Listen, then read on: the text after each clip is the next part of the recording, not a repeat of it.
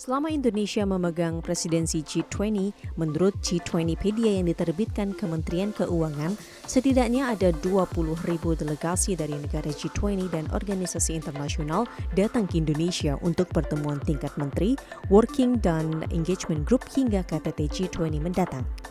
11 bulan terakhir, Airnav Indonesia sebagai satu-satunya navigator penerbangan di ruang udara Indonesia memonitor lalu lintas penerbangan internasional di Indonesia.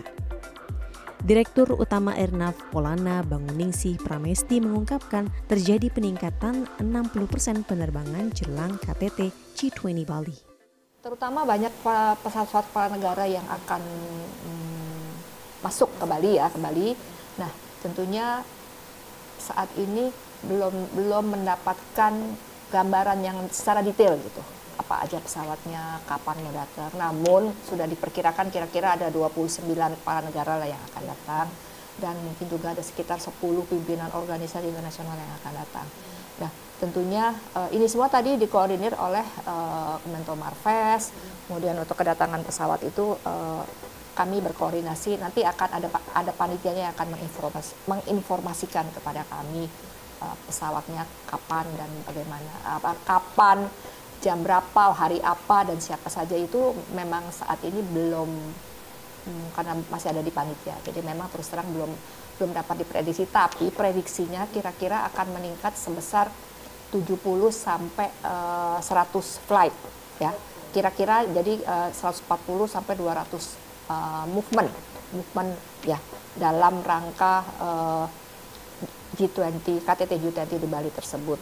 Karena tadi itu ada banyak pesawat negara banyak uh, ada juga yang menggunakan komersial di Tower Air Traffic Control Bandara Soekarno-Hatta, saya bertemu dengan Deputi General Manager Perencanaan dan Evaluasi Operasi Airnav, Tori Triruknomo menunjukkan tiga runway yang menjadi landasan pesawat delegasi di Bandara Soekarno-Hatta untuk keperluan G20, seperti dari negara Amerika Serikat, India, Australia, Arab Saudi, hingga Rusia, dan negara lainnya. Secara prinsip kami uh, tidak apa namanya tidak menggunakan trik khusus karena memang itu adalah kerjaan sehari-hari. Akan tetapi dengan adanya uh, kegiatan G20 kami lebih fokus karena akan menghandle tamu-tamu negara.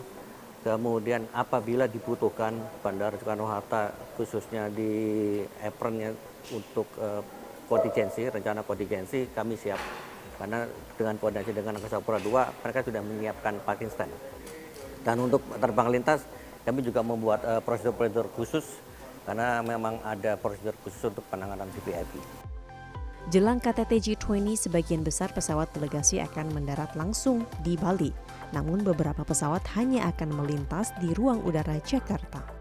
Airnav memprediksikan jelang KTT G20 yang akan diselenggarakan di Bali November mendatang. Tidaknya ada 70 hingga 100 extra flight yang nantinya akan eh, tiba di Bali. Dan beberapa pesawat dari arah barat atau dari negara-negara Eropa akan melintas.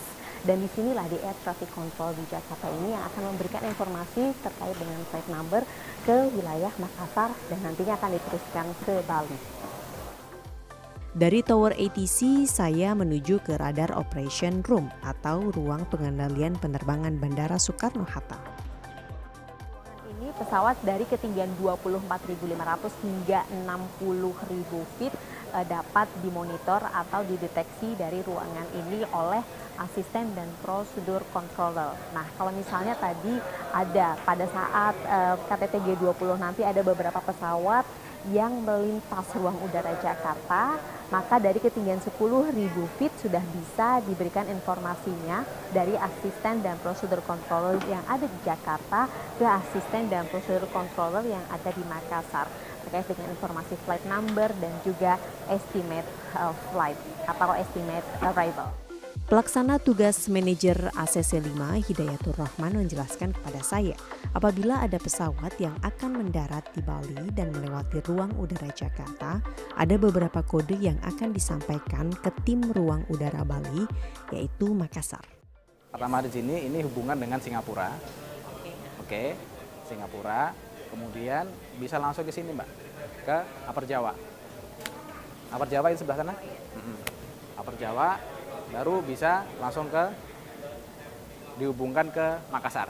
Informasinya yang diberikan ke Makassar apa, apa saja Pak? Informasinya kita sekarang sudah menggunakan digital ini Mbak namanya.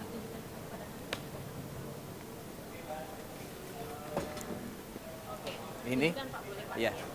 Ini adalah eh, Lion nomor penerbangan 692. Kemudian ini adalah kode penerbangan mereka. Ini II adalah Jakarta, RR adalah Surabaya. Ini adalah ketinggiannya dan inilah eh, perkiraan waktunya. Estimate. Hmm, estimate-nya. Jadi yang diberikan, yang diberikan adalah nomor penerbangan, kode penerbangan, ketinggian, sama estimate. Di ketinggian berapa eh, informasi itu sudah bisa didapatkan dan sudah bisa diinformasikan? Di ketinggian berapa pun sudah bisa. Berapa Pak? Dari 10.000 juga sudah bisa. Oh, dari Mm-mm. Dia sudah bisa sampai di ketinggian akhir adalah di 35.000, 37.000 gitu. Jadi ketinggian berapapun kita sudah bisa monitor karena itu sudah tercover oleh radar. Kira-kira gitu. Terakhir Pak, sebenarnya kalau di ruangan ini Mhm. itu memonitor pesawat start dari ketinggian berapa Pak? Kalau dari. Oke. Kan kalau ATC itu ada ada beberapa ada batasan. Betul. Kalau dari sektor ini dari ketinggian 24.500 sampai dengan 60.000 feet. Ya, itu loh yang diterapkan.